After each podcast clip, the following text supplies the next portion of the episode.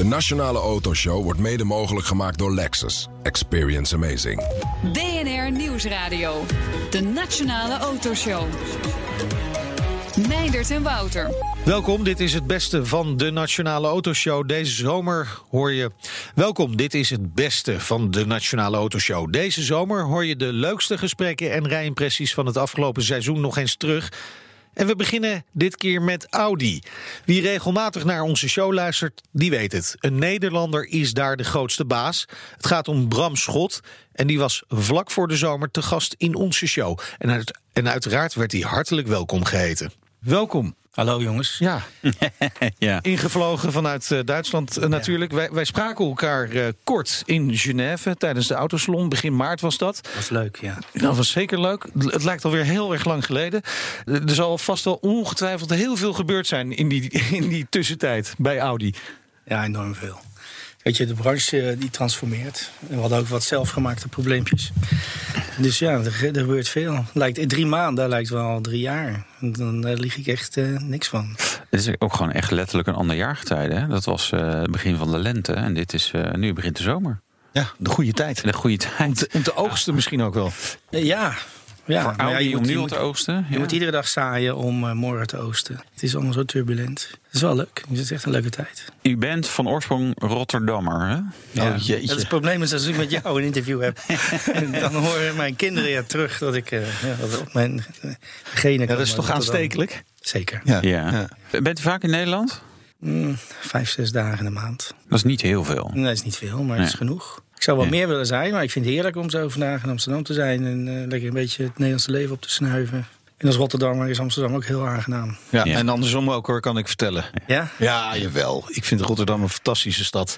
Als Ja. ik maar weer terug kan. Ja. Daarna. Ja, als, ja, we sturen je ook. Nou, graag ik ben wel heel erg eh, aan Amsterdam gewend geraakt. Ik Ja, maar volgens mij, volgens mij ook een echte globetrotter. Hè? Want eh, eh, voor Audi eh, werkt u eh, bij Daimler, Italië. Ja. Daarna Volkswagen Bedrijfswagens. Ja.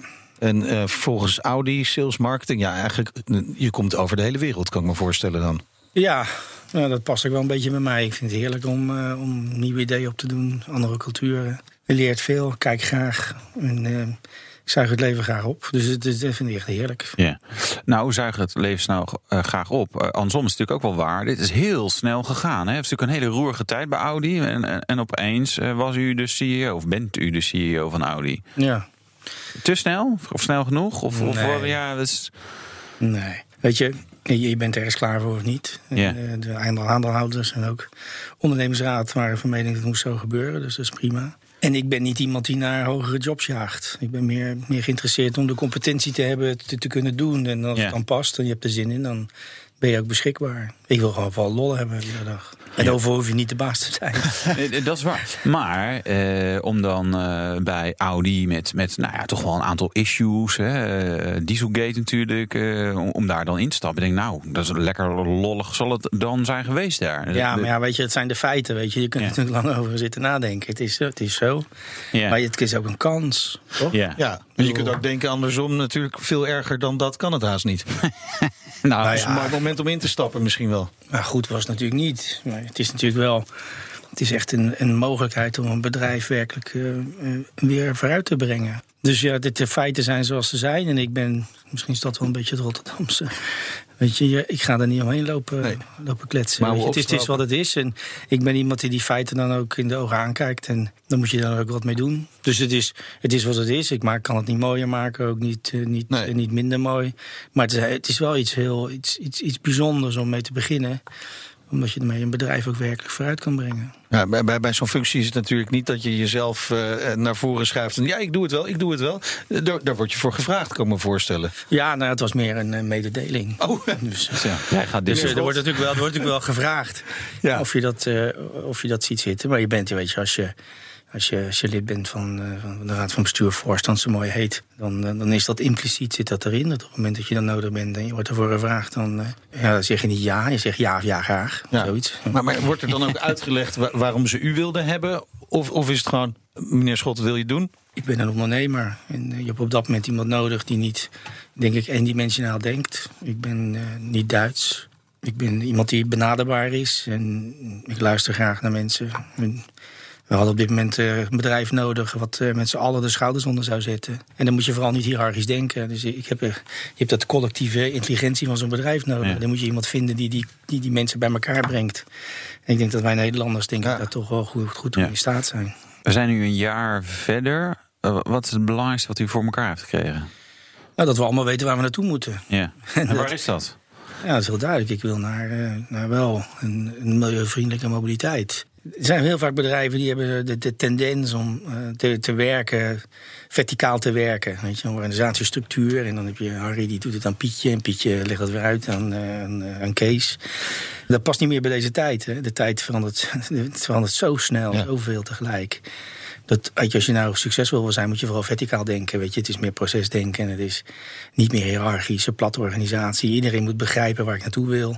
Zodat iedereen op welk niveau dan ook, ook een beslissing kan nemen. Omdat ze weten dat als ik dat beslis, dan helpt dat om die doelstelling te bereiken. En op het moment dat die visie niet zo, niet zo duidelijk is, dan moet je iedere keer die weg naar boven bewandelen om te begrijpen Ja. wat er aan de hand is. Dus ik probeer iedereen ergens te betrekken bij waar ik met Audi naartoe wil zodat ze ook zelf die beslissingen kunnen nemen. Dus ik, ik maak een organisa- organisatie platter en horizontaler. En dat, Is- en is dat dat- helpt. Ja, is, dat- is dat moeilijk voor, een- voor een van oorsprong Duits bedrijf? Want ze zijn toch wel, dat, dat is in ieder geval het beeld dat wij hebben, dat Duitsers toch wel wat hiërarchischer zijn dan wij. Nou, het had natuurlijk enorm veel voordelen, weet je. Maar in Nederland vaak de discussie begint wanneer een directie wat besloten heeft.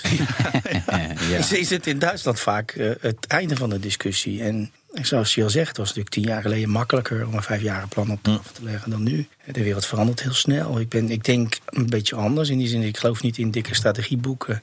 Waarbij je mensen vraagt om dat maar, eh, zeg maar te implementeren. Ik, ik geloof veel meer in de juiste mensen op de juiste plaats in de bus. En zij vinden uit hoe de bus te te rijden is. Snap je? Dus geen 100% democratie. Maar, maar weet je, je moet wel. Je moet wel begrijpen waar je naartoe wil. Ja. En wij vinden met elkaar uit hoe we daar het beste Ja. komen. Nou, het is wel grappig, eh, want dan hebben we het over het teamgevoel. En, eh, eh, maar we hadden het net ook al even over de Audi TT. En dat, daar, nee, daar nam u de beslissing. Gevoelig puntje. Ja, bij mij ook. Hè. Ik, ik had er één, dus... eh, Ja. ja, dat was een, eh, een punt waar we een beslissing nam van... nou, ik ga even melden van dat we hem niet gaan doen. Ja, ik was gewoon gezeur helemaal zat. Ja. Oh ja? Ja, natuurlijk. Ik, weet je, iedere tweede vraag was of er nou een opvolger komt voor de TT. En, eh, Ja. Weet je, dat, dat, ging een beetje, dat ging mij een beetje te ver. En het is, als je gewoon maar heel eerlijk bent, het is een mooie icoon. Die past ook gewoon bij Audi. en ik ben een mens van vlees en bloed. En ik vind eh, mooie dingen ook mooi. Ja. Net als ieder ander. Maar het moet, ik wel, moet ook wel betaalbaar blijven. En aan de andere kant is het voor mij ook niet zoiets van zwart-wit. Weet je, ik ben ook wel bereid om te investeren in dat soort dingen. Ondanks het feit dat ze misschien, eh, misschien uit een economisch standpunt niet verstandig zijn. Ja. Maar als ze helpen voor het image. En dat maakt jou dan ook een stukje blijer. Zodat Ja. je misschien nog een nieuwe TT kan kopen. Ja, Dan ben ik wel bereid om daar wat te doen. Maar ik was op dat moment gewoon die discussie helemaal ja. spuug zat. Ja. Dus dan zeg ik gewoon, luister, er komt geen opvolger. Dan ben je ook klaar met die discussie. Nou kan ik in alle rust nadenken of er een opvolger komt. Ja. Oké, dus ik begrijp dat die kier wel weer van de deur wel weer open staat. Ja, want dan zit ik naar hem te kijken. Dan komen er drie kwartier. En dan denk ik, eh, dan kan ik hem niet aandoen. Wat, wat, wat natuurlijk wel een Ja, maar ik meet ook bloedserieus Ja, natuurlijk. Maar, weet je, maar de wereld verandert ook. En, en, eh, tuurlijk komt er een opvolger van de TT. Maar of die nou, of die nou een benzinemotortje heeft... Of, Ja, ja. of, of dat die nou elektrisch is... nou, daar ga ik Ja. nou eens lekker over pieken. De kant waar ik ook wel op wilde met deze vraag, dacht ik van, je had de TT en daarna kwam de Audi R8. Dat zijn halo cars voor Audi. Hè? Ja, en even ja. los van discussie of, of er opvolger komt of benzine, diesel. Want er is ook ooit een V12 TDI in een R8 gepropt. Je hebt wel een soort halo car nodig, toch ook als, als, als autofabrikant. Ja, en, is ook zo. en wat zou dat dan Nou, ik heb potentieel moeten gisteren, zijn? nou ja, ik heb gisteren heb ik, eh, voor onze top 100 in het concern, in de groep, hè, niet van Hout, maar de groep, heb ik eh, de nieuwe eh, e-tron GT eh, laten zien. Nou, dan loopt het water uit je mond, of je nou van auto houdt of niet. Dus dat is een elektrische auto. Met Ja. alles erop en eraan, con- connectivity tot hier, van hier tot in boek toe. Ja. De auto ziet er strak uit. Ik merk zelfs dat de collega-merken een beetje jaloers zijn. Ja. Ja. Ja, nou, exact. Maar dat is toch wat je voor elkaar wil krijgen. Want ik Ja. weet zeker toen die oorspronkelijk R8 komt... dat ze in, in, in, in Soefenhausen dachten... Ah, verdammt nogmaal. Of iets dergelijks. Van, eh, ja, ze, van, hey, wat, wat doen die gasten in, eh, in Ingolstad nou? ja, nou, een, eh, hartstikke een mooi. Ik heb, een super, ik heb een super designer. En het eerste wat ik hem verteld heb toen ik baas werd... zei, je moet vooral niet naar mij luisteren. ja, vooral. de- Ja. Op het moment dat je designers en creatieve mensen gaat inperken... Je, gaat ze, je gaat ze vertellen wat nou eigenlijk wel moet of niet moet... Ja, dan denk je dat je een grote fout maakt. Ja, en als eh, Mark... eh, Mark Lichter, als die, als die werkelijk gaat doen wat hij denkt. Te doen en wat ook uit zijn hart komt, dan krijg je prachtig mooie dingen waar heel veel mensen heel jaloers op kunnen worden. Nou, ik vind dat ideaal. Ik mag van mijn moeder no- nooit mijn, mijn stropdas uitzoeken, omdat ze altijd de verkeerde kleur zegt. Ze. Nou, dan ga ik zeker niet een designer vertellen hoe die auto eruit moet zien. Dus, dat, dus, nou, Dus, ja, ik meen het ook bloedserieus, zoals ik De het zeg. van Bram Schot wordt nog altijd door Ik zijn moeder geen stropdas. Oh, kijk. Ja. Maar in dit geval, ik meen het ook echt serieus, omdat je, de oog heeft ook wat nodig. Ja, En, eh, maar die, die, die eh, eh, e-tron GT die is dus gepresenteerd in de boord. Wa- wanneer mogen wij hem allemaal zien? Nou, ja, ik heb hem in, eh, in Genève laten zien toen jullie zo druk waren met mij een afspraak te maken. Had je volgens mij gewoon die stand op moeten lopen. Ja, ja, ja. En dan had je hem kunnen zien. Maar Ja. wanneer komt hij? Hij komt in 2021. 2021. Dat Ja. duurt nog lang, zeg. Ja, maar ja, wat, soms wat weet je, verhaald is lekker. en Soms wat lang duurt Dat, ook. dat, dat is wel. En ik zou je zeggen, het is eh, een van de mooiste auto's wordt, eh, die Audi ooit op de weg gezet heeft. En ik denk, dat is nou typisch het Audi wat ik wil. Het is heel mooi voor het oog. En het is ook nog elektrisch. Het is, eh, het is milieuvriendelijk. Ja. Ja, het is echt een plezier om in te rijden en ook naar te kijken. Ik vind dat echt wel, eh, echt wel prachtig. Ja. Zometeen, Audi zet vol in op elektrisch rijden. We horen het net al. En daar gaan we zo verder over praten met CEO Bram Schot. ja, en we doen de dienstauto van. Ja, van wie? Van wie zou dat toch kunnen zijn vandaag? Ja, dat kan alleen maar. eh, we willen weten wat, wat als, je, als je zeg maar alles kan kiezen bij Audi, wat, wat kies je dan? Ja. ja ik zou het zou wel het wel weten. weten. Ik zou iedere dag iets anders Ja, zeker Dat is een keer een beetje. BNR Nieuwsradio. BNR, de Nationale Autoshow. Tijd voor. De dienstauto van... Bekende mensen vertellen over hun passie voor auto's. En dit keer natuurlijk Bram Schot, de CEO van eh, Audi. Wie anders? Wordt u vaak gereden of eh, pakt u ook vaak zelf nog wel het stuur in de hand? Ik rijd liever zelf. Ja? Maar ja, maar ja. Of ik loop wel. zeg, Ik, loop, eh, ik woon 10 minuten rijden van de zaak. En af en toe, als het zonnetje schijnt, dan, dan loop ik. Klein wandelingetje. Ja, heerlijk. Maar, Of ik pak mijn, eh, mijn, eh, mijn Ducati, mijn scramblertje. ah, kijk, ja, dat is ook een. eh, Alleen als dat op de foto moet, is dat met zo'n helmpje een beetje lastig. nee, dat doe ik graag. Ja. Dus nee, ik, ik, ik rijd het liefst zelf. En wat rijdt u dan? Ja, ik ben, ik ben een beetje een bofkont natuurlijk. Ik kan het een beetje aan de stemming aanpassen. Ik denk op dit moment het meeste de e-tron. Ja, Maar, ja. En je zal het geloven ook niet. Ik heb een, eh, een TTRS, Ja, cabrio, rood. Dus dat, eh, daar Ah. geniet ik ook met volle teuren van. En een Urus hebben we ook nog. En, Ook een eh, Audi onder de natuurlijk, ja, de Lamborghini. Ja, ja. Ehm, en de vierde auto is op dit moment een RS5. Ja. Een, een, een sportback. Sportback, ja, kijk, ja. Maar dat verandert iedere, iedere twee, drie weken. Dus dat is zoals het nu is. Ja. Ik vind het heerlijk om eh, s ochtends met de e-tron naar mijn werk te rijden als ik rij. Ja, dat vind ik lekker. Want, lekker stil. Ja, het is, eh, ja, het is, het is rustig wakker worden. Ja. Het is ook een, eh, een auto die echt goed op zijn benen staat. Ja. Ehm, ja, ik vind het heerlijk. Ja. Maar als je een keer niet rustig moet wakker worden, maar even. even je hebt ook wel zo'n meeting waarvan je denkt, ja, nu moet ik er gewoon even. Ja, maar ik ben best wel een heel rustig mens. Dus weet je, ik, ik, ik ben er wel kalm. Dus het, of je nou opwint of niet, zo'n vergadering wordt er ook niet anders door. Dus, dan, nee, dat is waar. dus ik, ben, eh, ik ben wel redelijk Ja. stabiel. Autoherinnering, wat is, wat is het leukste wat je ooit met een auto hebt gedaan? Nou ja, maar allereerst, dat weet je, ik weet nog wel, toen, toen- Mijn eerste auto moest natuurlijk gefinancierd worden door eh, mijn moeder en ik. eh, mijn vader is vroeg overleden, dus ik moest met mijn moeder daarover praten. En toen kwam ze uit bij een Deux Chevaux, een oranje Deux Chevaux. En ik had er natuurlijk helemaal geen trek in. dus toen heb ik ze meegenomen op een proefritje. En toen heb ik de bochten zo enorm agressief genomen... dat ze iets had van, hey, die auto die beweegt erg veel. En toen heb ik er toch... Ik weet niet hoe het voor elkaar gekregen heb... maar toen hebben we samen een, eh, een Alfaatje gekocht. Oh, een Spijdertje. Wauw. Ja, was toen best wel prijzig. Eh, ik had er niet laten zien dat als je het matje optrok... dat je ook de, de vloer van de garage kon zien. Er zaten wat gaten in. Maar dat was natuurlijk mijn eerste auto. Ik vond dat eh, Wauw. met heel veel plezier aan terug. Want het is natuurlijk een, een fantastische versnellingsbak. Ja, Heerlijke auto. Eh, ja. Daar heb ik heel veel plezier Ja. denk daar aan terug. Dat was natuurlijk toen een droomauto. Ja, het was een droomauto. Ja. Wa- Wat zou dat nu zijn als het niet vanuit het Audi-concern zou mogen komen? Als het niet vanuit het Audi-concern zou moeten komen. Nou ja, ik ben, ik ben wel... De 911 is wel mijn auto. Ja. Ah, dat is ook nog een beetje concern, hè? Ja. Ja, maar je zei niet... Nee, ja, nee, dat klopt. Ja, we nee, hebben natuurlijk twaalf merken. Dus Ja. als jij Ja. dan zegt het mag niet Audi zijn, Ja. dan wordt het natuurlijk heel snel. Ehm, nou ja, wat ik een auto vind waar ik... Ik heb eh, een paar keer Mini Media gereden. Ik heb natuurlijk eh, heel veel jaren bij Mercedes gewerkt. De 300 SL Gullwing Ja. is wel natuurlijk... Ja, is wel aardig. Ja. Ik vind die echt- remmen, die remmen zo beroerd. Ja, dat is lastig. Je weet natuurlijk dat je als je drie dagen midden media rijdt... Dat er, je weet niet welke trommelrem zeg maar, de geest geeft, maar er is er altijd één. en, eh, Ja. en het fijne is natuurlijk, je hebt natuurlijk geen stuurbekrachtiging. En, en, en drie, ik weet niet of je wel eens een, die, die Minimia gereden hebt, maar je wordt natuurlijk, de laatste dag is best wel lastig. En Ja. het voordeel is van zo'n 300 SL, die kun je bijna permanent in zijn derde versnelling rijden. Dus ja, dan eh, is het wel, maar het is wel genieten. Hè? Ja. Het is wel genieten. Dat vind ik dan wel, een auto is ook iconisch. En ik kan makkelijk zeggen dat het een goede auto is van een concurrent, want je kunt hem toch niet meer kopen. Dus Zo simpel is het. je moet ook wel pragmatisch zijn. Dus. We praten verder met de hoogste baas van Audi, de Nederlander Bram Schot. We gaan door met natuurlijk elektrisch rijden. Maar dat begint toch misschien wel met eh, Dieselgate en de toekomst van diesel. Want die Dieselgate heeft er natuurlijk wel voor gezorgd. Ik kan me voorstellen dat die, die elektrificatie van Audi versneld is. Klopt dat? Nou, diesel- Dieselgate op zich niet, want het heeft te maken met eh, de wetgeving die in, in 2020 daar is. Dus of nou Dieselgate zou zijn geweest of niet, maakt voor de elektrificering helemaal niks uit. Ehm, wat voor ons lastig was, is natuurlijk, we moesten iets oplossen uit het verleden. En Er gebeurt natuurlijk best veel in de automotive. En je hebt, we hebben 10.000 ingenieurs. En ja, die moeten natuurlijk vooral met de toekomst bezig zijn. En het lastige voor ons was, is dat er natuurlijk nog ook iets uit het verleden moest worden opgelost, technisch gezien. En, en daardoor hadden we een nadeel, denk ik, ten opzichte van, eh, van onze concurrenten. Omdat we onze aandacht zowel in de toekomst als ook in het Ja, ja. verleden moesten, moesten, moesten neerleggen. Nee, Dieselgate heeft helemaal niks te maken. Ook niet qua met de snelheid van elektrificeren. Ik bedoel, ik heb zelf, of er nou een wetgeving is of niet, ik vind zelf eh, dat we, en ik merk dat ook als ik praat met nieuwe generatie eh, jonge mensen. Ja, ik vind gewoon dat je die planeet ook een beetje beter moet achterlaten als dat je hem hebt, hebt gevonden. Ja.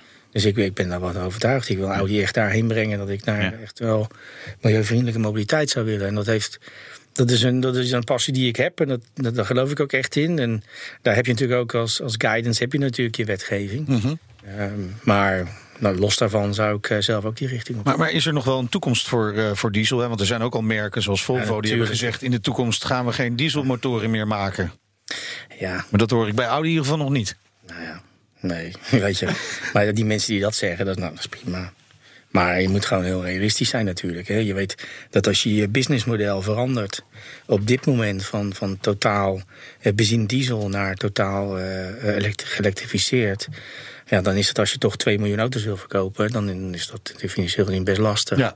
En Want je hebt dan aanzienlijk lagere marge. Maar heel simpel, als je nou ervan uitgaat in optimistische scenario's. Ja, dan kun je iedere consultant vragen eh, wat je wil. Maar ga maar over het gemak uit van 25% in 2025. Dat kan iedereen heel makkelijk onthouden. Ja. Dan heb ik altijd geleerd, als je dan 100 doet min 25, blijft er 75 over.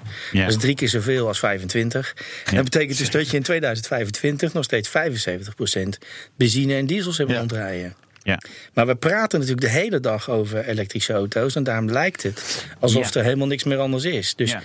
Maar er zit natuurlijk wel een dingetje. Want eh, ja, elektrisch rijden is kostbaarder. Ja. Nou ja, ik, de, de, de vraag die ik er net ook had, maar nu nog even kan stellen. In die voorstand, hè, in de, de, de raad van bestuur bij Audi. eh, hoe- Hoeveel, eh, welk percentage van de tijd wordt er nog besteed aan diesel en benzine? Want ik kan me voorstellen dat, dat het inderdaad elektrisch, autonoom, connected, nou, alle, al die andere dingen ermee bezig. En oh ja, we doen ook nog diesel. Nee, zo is het natuurlijk niet. Want ik zeg, Nee. ja, ja. Weet je, je bent natuurlijk zo vol van je TT dat je net niet geluisterd hebt naar mijn antwoord. Ja. dus 75% van 2025 Ja, van de verkoop. is, is diesel en benzine. Dus Ja. dat, is, eh, dat is gewoon zo. En of je nou eh, normale verbrandingsmotoren hebt met, met de hybride oplossing, waarbij je ook eh, deelelektrisch kan rijden. Ja, ja. Het, het- het is natuurlijk ook zo. En, en daar zit toch wel ik zou zeggen, een, een dingetje. Want kijk, ook als je in 2025 milieuvriendelijke diesel- en benzinemotoren wil hebben, dan moet je daar echt veel aan doen om die mee te blijven ontwikkelen. En dat heeft hogere kosten eh, tot gevolg. Ja. Ja. En elektrisch rijden is ook al hogere kosten. Dus Ja. eh, ik denk dat eh, gemiddeld, eh, gemiddeld Nederland, Europa en de rest van de wereld ermee moet rekenen. Dat er in 2025 de mobiliteit echt serieus duurder is geworden. En, en dan praat je toch over 3.000 tot 5.000 euro. Dan kan je vertellen. Voor, voor, een, voor een auto. Voor een gemiddelde auto. Ja, en ik weet niet hoe het zit met het gemiddeld eh, beschikbare inkomen in Nederland. Maar dat zal waarschijnlijk niet met 3.000 tot 5.000 euro Nee. omhoog gaan. Dus mobiliteit wordt duurder. Ehm, en ik kan je ook vertellen, ja, ik moet geloof de komende jaren 15 miljard investeren in elektrische auto's. En 40 miljard totaal in de, de komende drie, vier Ja. Nou, die kan ik niet alleen maar financieren. En ik heb er, eh, door het zelf te betalen. Is dan ook een klant, moet uiteindelijk ook zijn Ja. rekeningen blijven betalen. Ja. Dus mobiliteit wordt duurder en eh, dat heeft eh, consequenties. En eh, nou, dat is ook prima. Want ik denk sowieso dat we naar een paar eh, andere oplossingen zouden moeten zoeken voor, voor milieuvriendelijke mobiliteit. Dus dat is prima. Ja, dat is raar om een, om een, een, een, baas van een autofabrikant eh, dat te horen zeggen. Ja, weet je, en, eh, Ja, toch? Ja, ik heb, je net, ik heb je net, we hebben net samen geluncht. En, Ja. eh, en toen heb ik uitgelegd dat als er nou donkere wolken aankomen... en je staat op een strand en je zegt het gaat niet regenen... dat je dan toch over vijf minuten nat wordt. Dus, dus je, je kunt natuurlijk dat wel gaan lopen ontkennen. Maar ik vind dat ik een, een maatschappelijke plicht heb, persoonlijk... om mee te werken aan een groenere planeet. Ja. Eh, vooral omdat ik mijn jonge jongens daar zie. En tegelijkertijd heb ik een wetgeving waar ik aan moet voldoen. Dus ja, je kunt het wel lopen ontkennen. Maar ik denk dat het, het gaat gewoon komen. En- als je dat nou maar accepteert... dan beginnen er ook oplossingen te komen. En Wil Audi dan ook echt voorloper zijn in, in milieuvriendelijke mobiliteit? Ja, ik krijg echt een hekel aan het tweede worden. Ja? Ja. Maar ja. welke plek staan jullie nu? Nou ja, we zijn net begonnen. Hè? Dus, dus ik denk dat die e-tron die we op de weg gezet hebben... dat dat eh, een, een mooi eerste begin is. Ja.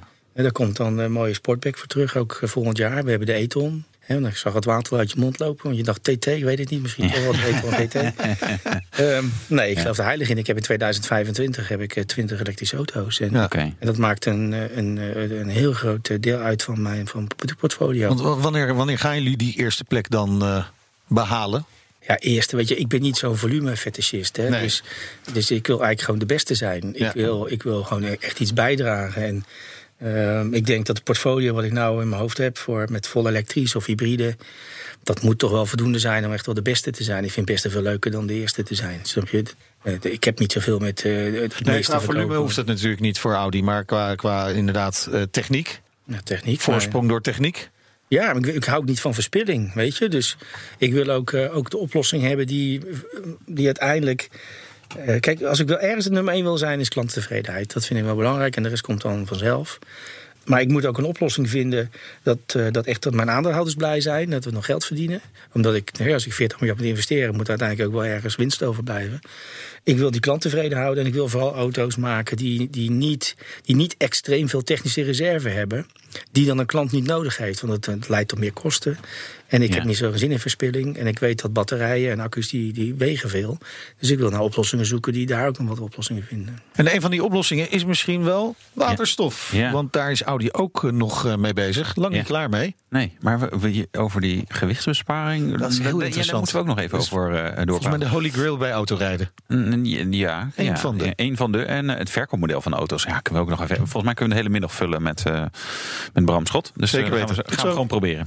De Nationale Autoshow wordt mede mogelijk gemaakt door Lexus. Experience amazing. BNR Nieuwsradio. De Nationale Autoshow. Meindert en Wouter. Welkom terug. Onze gast is Bram Schot. Sinds een eh, half jaar officieel de baas eh, van Audi. tot die tijd interim. En eh, we gaan het hebben over elektrisch rijden, waterstof, Ja. verkoopmodellen. Autonoom rijden. Ja, jeetje, maar je- de- we- we- de- wat dat betreft is het een leuke tijd. Hè? Het is echt een leuke tijd nu in de gebeurt zo ontzettend Ja. veel. We hebben het nog niet eens over data gehad. Ja. Hè, van wie is de data? We vragen Ja. het zo allemaal. Van mij. Alles is ja. Eh, we waren net eh, een beetje geëindigd met, met elektrisch rijden hè, en de ontwikkeling daarvan. En eh, u zei, ja, ik heb, ik heb echt een mooi portfolio in mijn hoofd. Wanneer, wanneer komt dat allemaal uit het hoofd en, en op de weg? Nou, alles wat tot 2025 op de weg komt, dat hebben we wel. Ja. Staat er. Ja. Dus eh, de beslissingen die we nodig hadden om in 2025 20 elektrische auto's op de weg te zetten, die zijn allemaal genomen.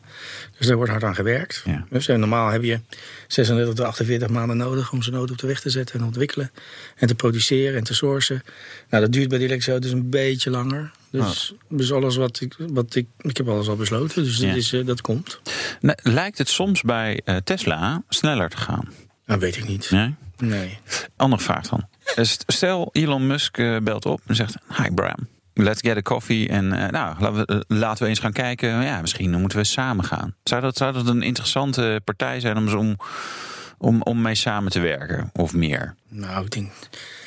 Ik, vind, ik ben heel blij met Tesla, hè. laat het even Ja. duidelijk zijn. Ik, ben, ik denk dat wij in Europa niet zo ver zouden zijn gekomen zoals we nu zouden zijn. zoals waar we nu staan, zonder dat Tesla daar zou zijn geweest. Dus zij Ja. natuurlijk wel waren natuurlijk een mega wake-up call. Dus Ja. ik vind het helemaal prima. Eh, iedereen vraagt ook altijd, weet je wel, ja, zij zijn de eerste. Nou ja, laat ze lekker de eerste zijn. Ja. Wij willen gewoon de beste zijn. En eh, daar zijn we hard naar op weg. Eh, ja, we kunnen veel van ze leren. En er zijn ook heel veel dingen die ik niet zou willen doen zoals zij. Zoals? Nee, dat ga ik niet vertellen. Dan, lijkt het wel een Dan beetje. weet hij het ook. Nee, ja, ja, maar ik denk ook dat zij heel veel van ons leren. En Ja. Ja, ik, ik ben heel blij dat ze er zijn, omdat ze echt wel richting, eh, richting hebben aangegeven waar het naartoe zou kunnen. Nou, en op het moment dat wij zitten natuurlijk meer in volume, wij, wij praten over 2 miljoen auto's bij Audi alleen al.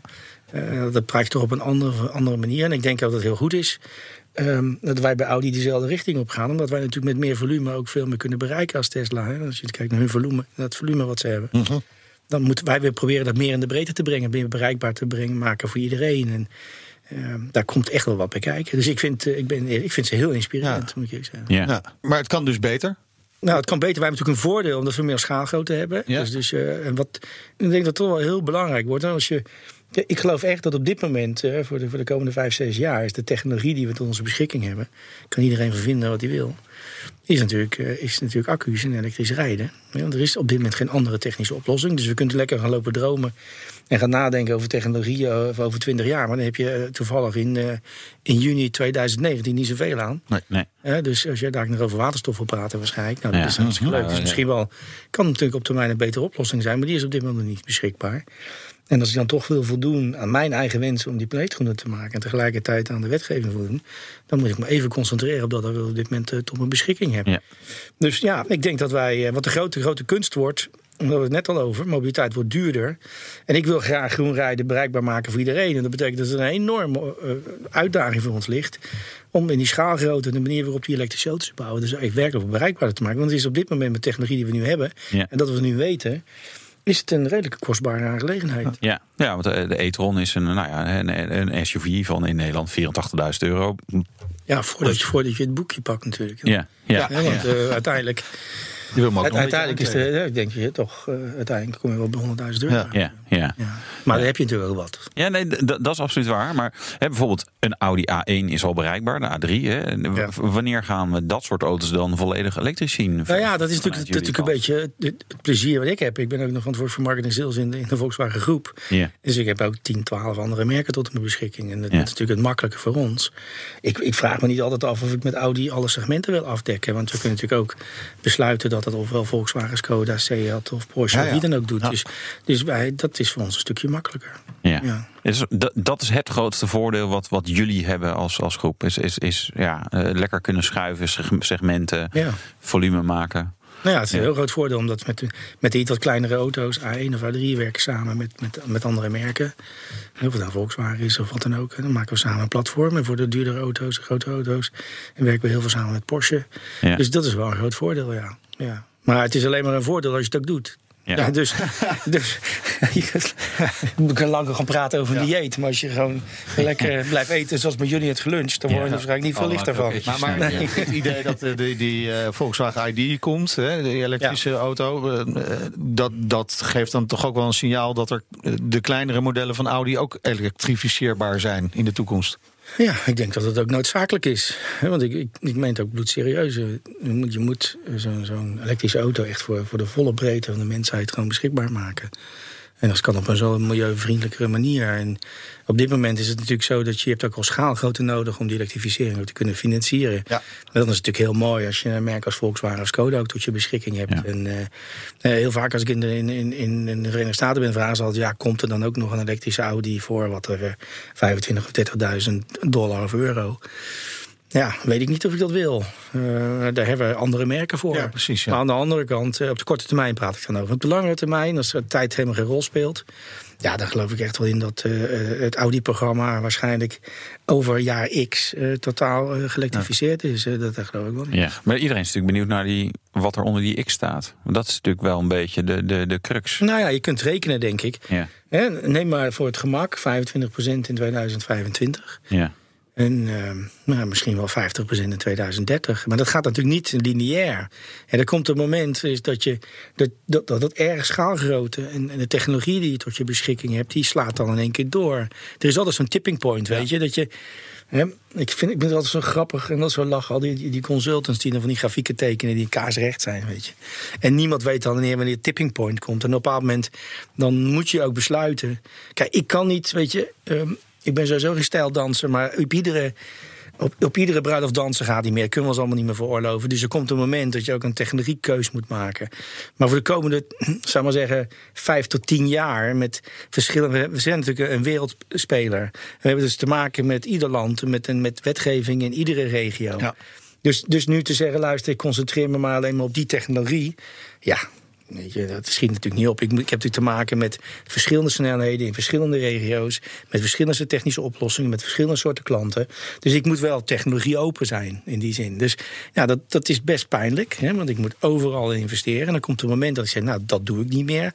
En er komt ook een moment dat die elektrificering natuurlijk in zijn schaalgrootte zo doorslaat. dat ik op een bepaald moment zeg van nou. Eh, Dan, dan, eh, dan investeer ik niet meer in, in meer ontwikkeling van diesel. En of dat dan 2026, 27, 28 is, dat, dat weet ik niet. Maar er komt natuurlijk wel een heel interessant jaar aan. En dat is 2021. Hè? Want jullie zijn, ik heb net gezegd, als je goed kan tellen. Dan eh, weet je dat als EU7 komt, wat een enorme investering is in, in benzinemotoren en in dieselmotoren. Eh, En ik reken terug 48 maanden, wat ik Ja. net gezegd heb. Ja, dat is dus nu. En dan weet je dus dat je ergens in 2021 moet je een fundamentele beslissing nemen. Of je in het jaar dat EU7-wetgeving komt, hè, 2025, 26. Of je dan nog voor 10 jaar, want normaal is het een cycle van een auto 10 jaar, 8 tot 10 jaar. Of je dan nog een auto met een, een traditionele verbrandingsmotor in 2025, 26 op de weg zet, die dan nog tot 2025, 30 gaat lopen. Ja. Dus de, dus de beslissingen over je toekomst, die, ja, die, die komen snel om de hoek. In 2021 moet je die fundamentele beslissing nemen. betekent dus dat je in 2020 eh, zeker moet gaan nadenken. Wat je in 21 moet gaan besluiten. voor wat je in 25, 26 op de weg gaat zetten. wat nog tot 2035 gaat lopen. ja, bizar hoe lang die eh, eh, cycli zijn. Hè? Ja, maar dat betekent dus Nou ja, in allerlei Ja. tijden leeft eigenlijk, hè? Dus je maakt, ja, iedereen kan denken of niet. maar je maakt natuurlijk in de komende 36 maanden een paar fundamentele beslissingen. Dat is best pittig. Of, valt, of is dat juist Ja. leuk? Is dat juist leuk? Is ja, dat, ik vind eh, het wel leuk. Ja? Ja, ik vind het leuk. Gaat dat bij iedereen leuk zijn? Want ik kan me voorstellen, als je wat kleinere eh, autofabrikant bent, dat je, dat je gewoon. Nee, ja, gaat hier niet. gaat hij vastlopen. Nee, dat gaat niet meer. Nee. Maar daarom, daarom eh, ik denk dat. eh, hebben Volkswagen hebben een elektrisch platform ontwikkeld, MEB. Ja. Ja. En die stellen we ook eh, in de toekomst ter beschikking van andere automerken. Ja. Ja. Omdat je gewoon weet, kijk, wij zijn de grootste au- autobedrijf ter wereld. Dus Ja. wij hebben schaalgrootte, maar dat heeft Ja. natuurlijk niet iedereen. En Nee, maar ook niet iedereen binnen jullie concern. Hè? We hadden het net over Ducati. Nou, motoren is een hele andere wetgeving. Maar ook over eh, Lamborghini. Ja, daar V12. gaan we- Ja, ja, ja, daar gaan natuurlijk niet eh, de 12, 12 dure batterijen zeg maar, in plaats Nee. van, van, van komen, toch? Er moet natuurlijk gewoon een V12 in. Dat is best een lastige. ja, dat is best lastig. ja. Ja. Lekker weer, hè? nee, dat hoort erbij. Weet je, dat maakt ook mijn leven heel, heel, heel plezier als je ook Ducati en Lamborghini hebt. Ja. Ja.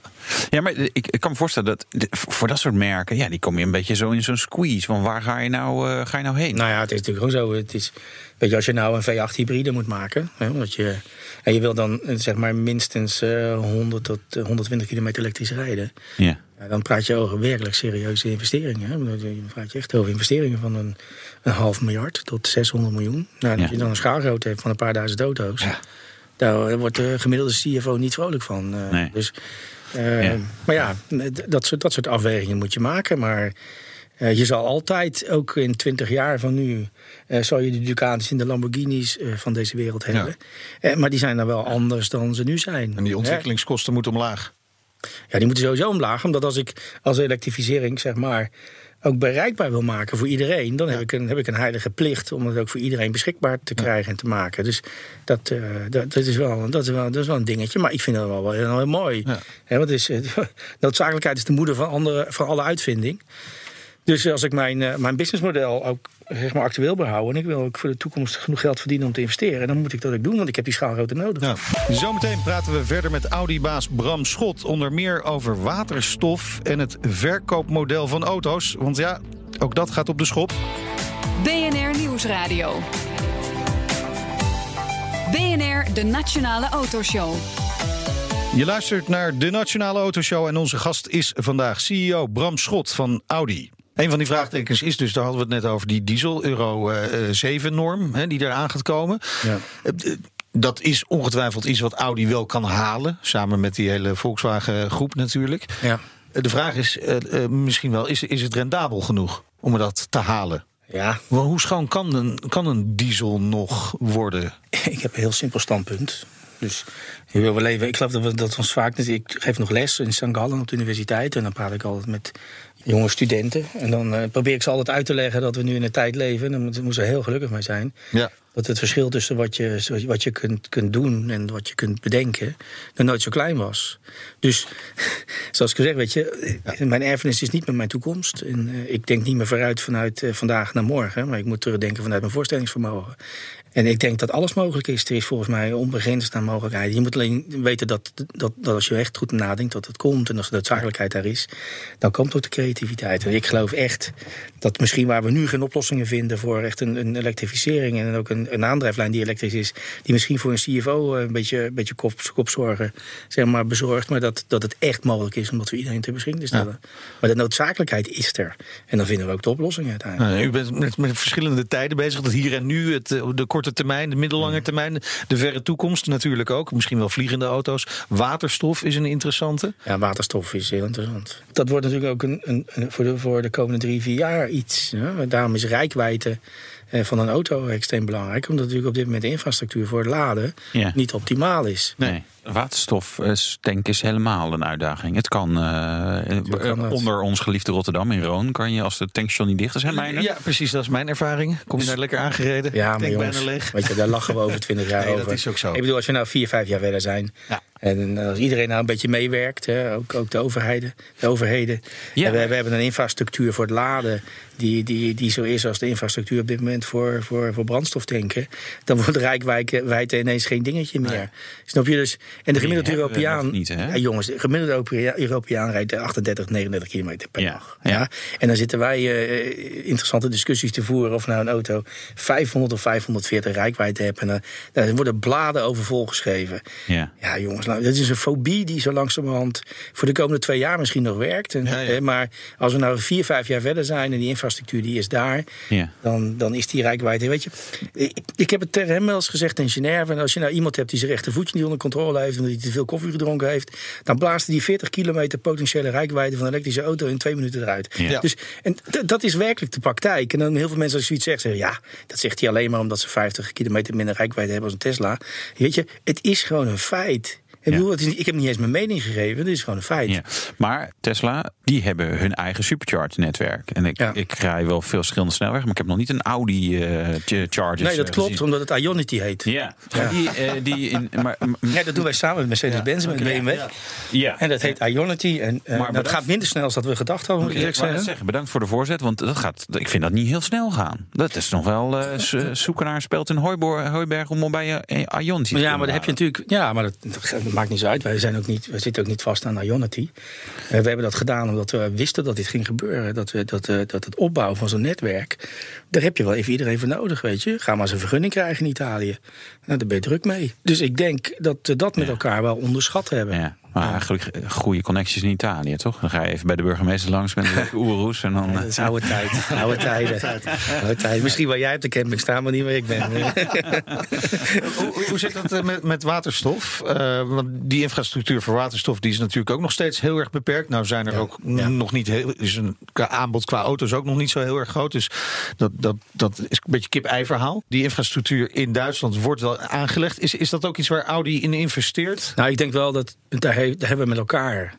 Het is niet zozeer dat, dat de auto-industrie daar alleen maar verantwoordelijk voor is. Nee, precies. Maar ik denk wel dat wij iets, een hele wijze les moeten leren van het helaas, helaas zeg ik, eh, nog niet succesvol genoeg eh, gas rijden. Hè. Dus eh, als je kijkt naar, wij hebben ook een Getron, dus een Ja. gasoplossing, die zeg maar emissietechnisch heel interessant is, maar die op de een of andere manier niet in het volume komt, omdat de infrastructuur voor gas in Europa gewoon erg beperkt is. hè. In Italië is er wat, dus in Duitsland wat, Ja. en in Nederland met LPG.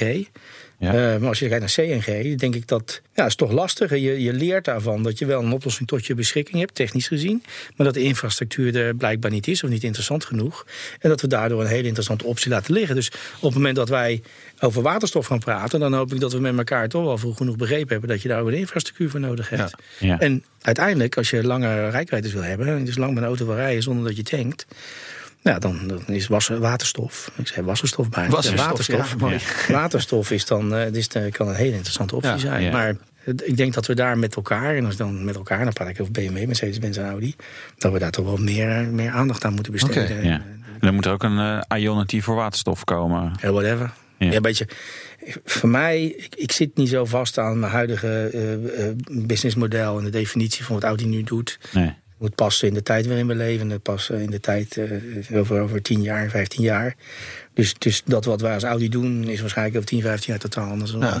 Als er over waterstofauto's uh, en batterij-elektrische auto's wordt gesproken, dan is het vaak een hele pittige discussie. Er zijn mensen die, die vol voor batterij-elektrisch gaan en ja. zeggen waterstof is helemaal niks. Wij krijgen daar vaak dan hele felle reacties op als we het over waterstoffen. Begrijpt u dat? Dat, dat, nee. dat is zo. Nee, maar, je, maar het is ook, ook logisch. Kijk, de technische oplossing die we nu hebben om deze wereld wat groener te maken en aan de ja. wetgeving te voldoen. Daar kun je lang en kort over praten. En het is heel interessant om te blijven dromen. Maar de oplossing die we nu hebben, is gewoon een, een, een elektrische auto ja. op dit moment. Die hebben we tot onze beschikking. En zoals het er nu naar uitziet, is dat tot 2026, 28 de enige technische oplossing die we hebben naast okay. zeg maar, verbrandingsmotoren met hybride. Dan kun je natuurlijk wel lekker de hele dag gaan praten over waterstof. Maar het helpt je echt in juli 2019 niet heel veel verder. Dus wat we natuurlijk met elkaar moeten doen, is dat wat we tot onze beschikking hebben. En dat wat we kunnen gebruiken om de wereld een beetje groener te maken. En dan moet je wel je concentreren op dat wat je nu hebt. Ja. Dat moeten we samen met de overheden hè, en de nieuwe infrastructuur voor het laden. Daar moeten we het vol proberen optimaal in te zetten. Ja? Daarom concentreren wij ons ook in de discussies die we hebben in de pers of met de overheid, vooral over het stimuleren van die technische mogelijkheid die ik nu tot mijn beschikking heb.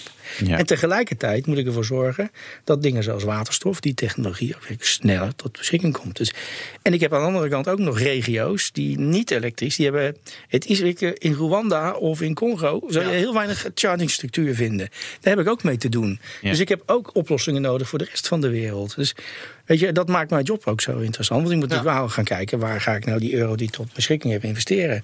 In, in meer afzet in Afrika of in, in de Verenigde Staten. En in Japan en in China wordt het al heel anders. Ja. Dus is, ik moet daar wel bewuste keuzes maken. Maar wij praten heel vaak over die elektrische auto. En terecht, omdat het voor ons voor de komende zeven jaar de enige oplossing is. Ja. En ik heb een verrassing, ook voor de concurrenten. Ja, en tegelijkertijd moet ik natuurlijk ervoor zorgen dat ik ook wat, misschien wat meer in een oplossing ga die wat langduriger mee kan gaan. Bijvoorbeeld waterstof. En ik geloof, ik geloof er heilig in. Waarom is waterstof dan interessant? Nou, omdat je daar gewoon een andere infrastructuur hebt. En die, je, je, je bent dan minder beperkt door je rijkwijdes. Ja. En wat een heel groot voordeel is natuurlijk... de oplossing die ik nu heb... betekent ook dat mijn auto's zwaarder worden. Die, die accu's die, die wegen nogal wat. Kan dat lichter? Ja. Nou ja, ik, ik doe mijn best. Ja. Nou, ja. ik ben het serieus. Ik werk nu samen met Airbus. Ja, maar dat zeggen vliegende, de vliegende auto. Zeg maar, nou ja, ik probeer natuurlijk. Ik probeer natuurlijk. Ik ben natuurlijk geen, geen technische man. Dat helpt. Dat helpt heel vaak. Want dan zit heel vaak in een technische tunnel.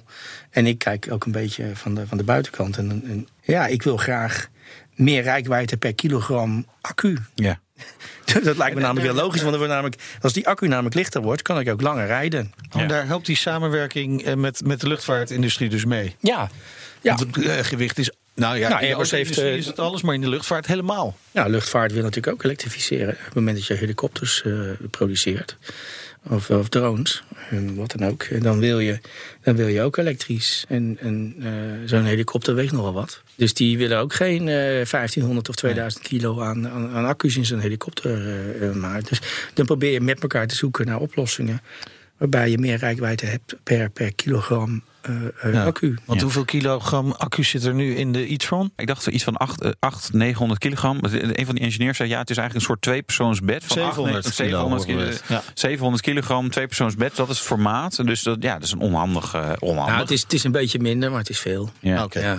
Maar zijn er nu al technologieën die, uh, die er aankomen voor zeggen, nou ja, dan gaat die accu inderdaad uh, lichter worden? Nou, de beste oplossing is natuurlijk dat die chargingstructuur op de rit komt. Hè? Want het is een beetje beperkt denken wat je nu doet. Waarom zou, ik, waarom zou ik accu's lichter maken die ik misschien helemaal niet nodig heb? Ja, ja. Snap je? Dan ben je met het verkeerde bezig. Dus eigenlijk omdraaien. Ja, je moet het een beetje anders kijken. Als de gemiddelde Europeaan 38 tot 39 kilometer per dag rijdt... dan kunnen we academisch discussiëren of we misschien een rijkwijde zijn moeten hebben van 600 kilometer. Ja. Maar weet je, dat nachtje dat je slaapt en dat ding chargt... daar mis je toch niks aan. Dus probeer eerst maar eens uit te vinden wat nou de ideale rijkwijde is... in relatie tot de infrastructuur die we met elkaar ja. hebben. in die zin heeft Elon Musk dat natuurlijk heel slim gedaan door eigen infrastructuur uh, te creëren. Nou, dat had hij ook wel nodig, want er was niks anders. Nee. Dus, dus, oh ja. dus als Tesla een beetje de enige zijn, die, hebben, die waren natuurlijk daarvan afhankelijk. En, ja. en hij heeft hij hartstikke goed gedaan. En, um, maar uiteindelijk zal je gewoon zien dat er een infrastructuur is die voor iedereen bereikbaar is. En dan gaan allemaal naar snel laden. Dus, dus als je in 15 minuten zeg maar 80% van je accu-capaciteit kunt laden. Zou je het telefoontje met, met Musk aannemen om, om de superchargers te kunnen gebruiken van Tesla? Zou dat interessant zijn voor Audi? Nee. Nee? We gaan zelf Ionity... Uh... Nou, we gaan het lekker zelf doen. Maar ik denk uiteindelijk gaat het er ook niet om of Ionity heel succesvol wordt. Het gaat erom dat we met elkaar overal kunnen chargen waar we willen. De enige reden waarom wij Ionity samen gedaan hebben met, met onze concurrenten... omdat we ook een steentje daarbij wilden dragen. Eigenlijk precies hetzelfde wat Tesla gedaan heeft. Maar uiteindelijk is het natuurlijk gewoon van belang... dat iedereen overal kan chargen. En dat het op een manier kan dat je ook niet lang hoeft te wachten dan hebben we het denk ik goed gedaan. Ja. Wat we uh, constateren is dat de, de, wereld van de automotive sector die verandert enorm. En dat is ook spannend en leuk om, om mee te maken. Uh, de, de, manier waarop mensen auto's kopen, die verandert ook, lijkt het. Ja, maar het duurt nog wel even hoor. Ja? Is het toch nog al de komende jaren gewoon via de dealer en, en leasen? Of, of gaan we echt vanuit internet auto's uh, nou, shoppen? Nou, je moet ook de realiteit onder ogen zien. Hè? Als je dan kijkt naar de gemiddelde rendementen van een gemiddelde dealer dan... Uh, is niet veel. Nee, dat is niet veel, nee. Dus één ding is heel zeker, voor zover niet, niet techneut dat kan zeggen... misschien is dat als je kijkt naar een elektrische auto... en ik zit net naar buiten te kijken, zie een prachtige e-tron. Kijk maar eens even, jongens. Mooi, hè? Ja, ja. Nou, naast een bureau staat hij. Ja, maar, maar er zitten natuurlijk wel veel minder draaiende delen in. En ik heb geleerd, eh, vroeger knutselde ik nog wel eens een keer aan mijn brommetjes... dat op het moment dat je minder draaiende delen hebt... dan heb je minder onderdelen. En er zit in zo'n auto ook geen olie. Ja. Uh, en olie is een belangrijke bijdrage, uh, heeft een bijdrage aan de winstgevendheid van een dealer. En als je 30 tot 50 procent van je afzet elektrisch hebt, en je hebt dan misschien 25 tot 30 procent minder onderdelen die je verkoopt, en je verkoopt ook gewoon olie, en je hebt al een, een rendement dat niet zo echt uh, florisant is, dan moet je natuurlijk wel, dan moet je er wel over nadenken. Hè? En daarbij, natuurlijk, je hebt disruptieve technologie. Dus bricks and mortar, om het maar zo te zeggen, bij een dealer wordt dan mij ook minder relevant. Dus ja, die gaat naar totaal nieuwe oplossingen. Ja, dat is, dat, eh, dat is uh, onontbeerlijk, zegt man in het Nederlands, geloof ik. Hè? Ik wil bijna een Duits woord aan het zoeken. dus is alternatiefloos, zal ik het maar zeggen. Ja. Dus dat, dat komt. Dat is goed, hoort ik bij de, bij de huidige tijd. En er komt een nieuwe generatie aan en die vinden best wel oplossingen. Geloof ik. Ja. De Audi e-tron staat klaar. Ja, ik zou bijna zeggen met een draaiende motor, maar dat is niet meer zo. Nee, dus, je hoort hem niet. Maar hij staat wel klaar voor de volgende afspraak van uh, Bram Schot. Ja, jammer, want ik was eigenlijk net op gang. Ja, ja wij kunnen nog wel even nog een keer. Ja, ik vind het wel leuk. Hartelijk dank voor de komst naar de studio en heel veel succes. En uh, wie weet, inderdaad, spreken we elkaar uh, in de toekomst nog een keer. Hartelijk dank nogmaals, Bram Schot, CEO van Audi. En dit was alweer de laatste best-of aflevering van dit Volgende week zijn we er weer gewoon live. Gelijk ook op locatie. Het concours d'elegance vanaf Paleis Soesdijk. Mis dat niet. Kom kijken als je een kaartje kunt vinden. Hou ons Twitterkanaal ondertussen in de gaten. Het BNR Autoshow. Tot volgende week. De Nationale Autoshow wordt mede mogelijk gemaakt door Lexus. Experience amazing.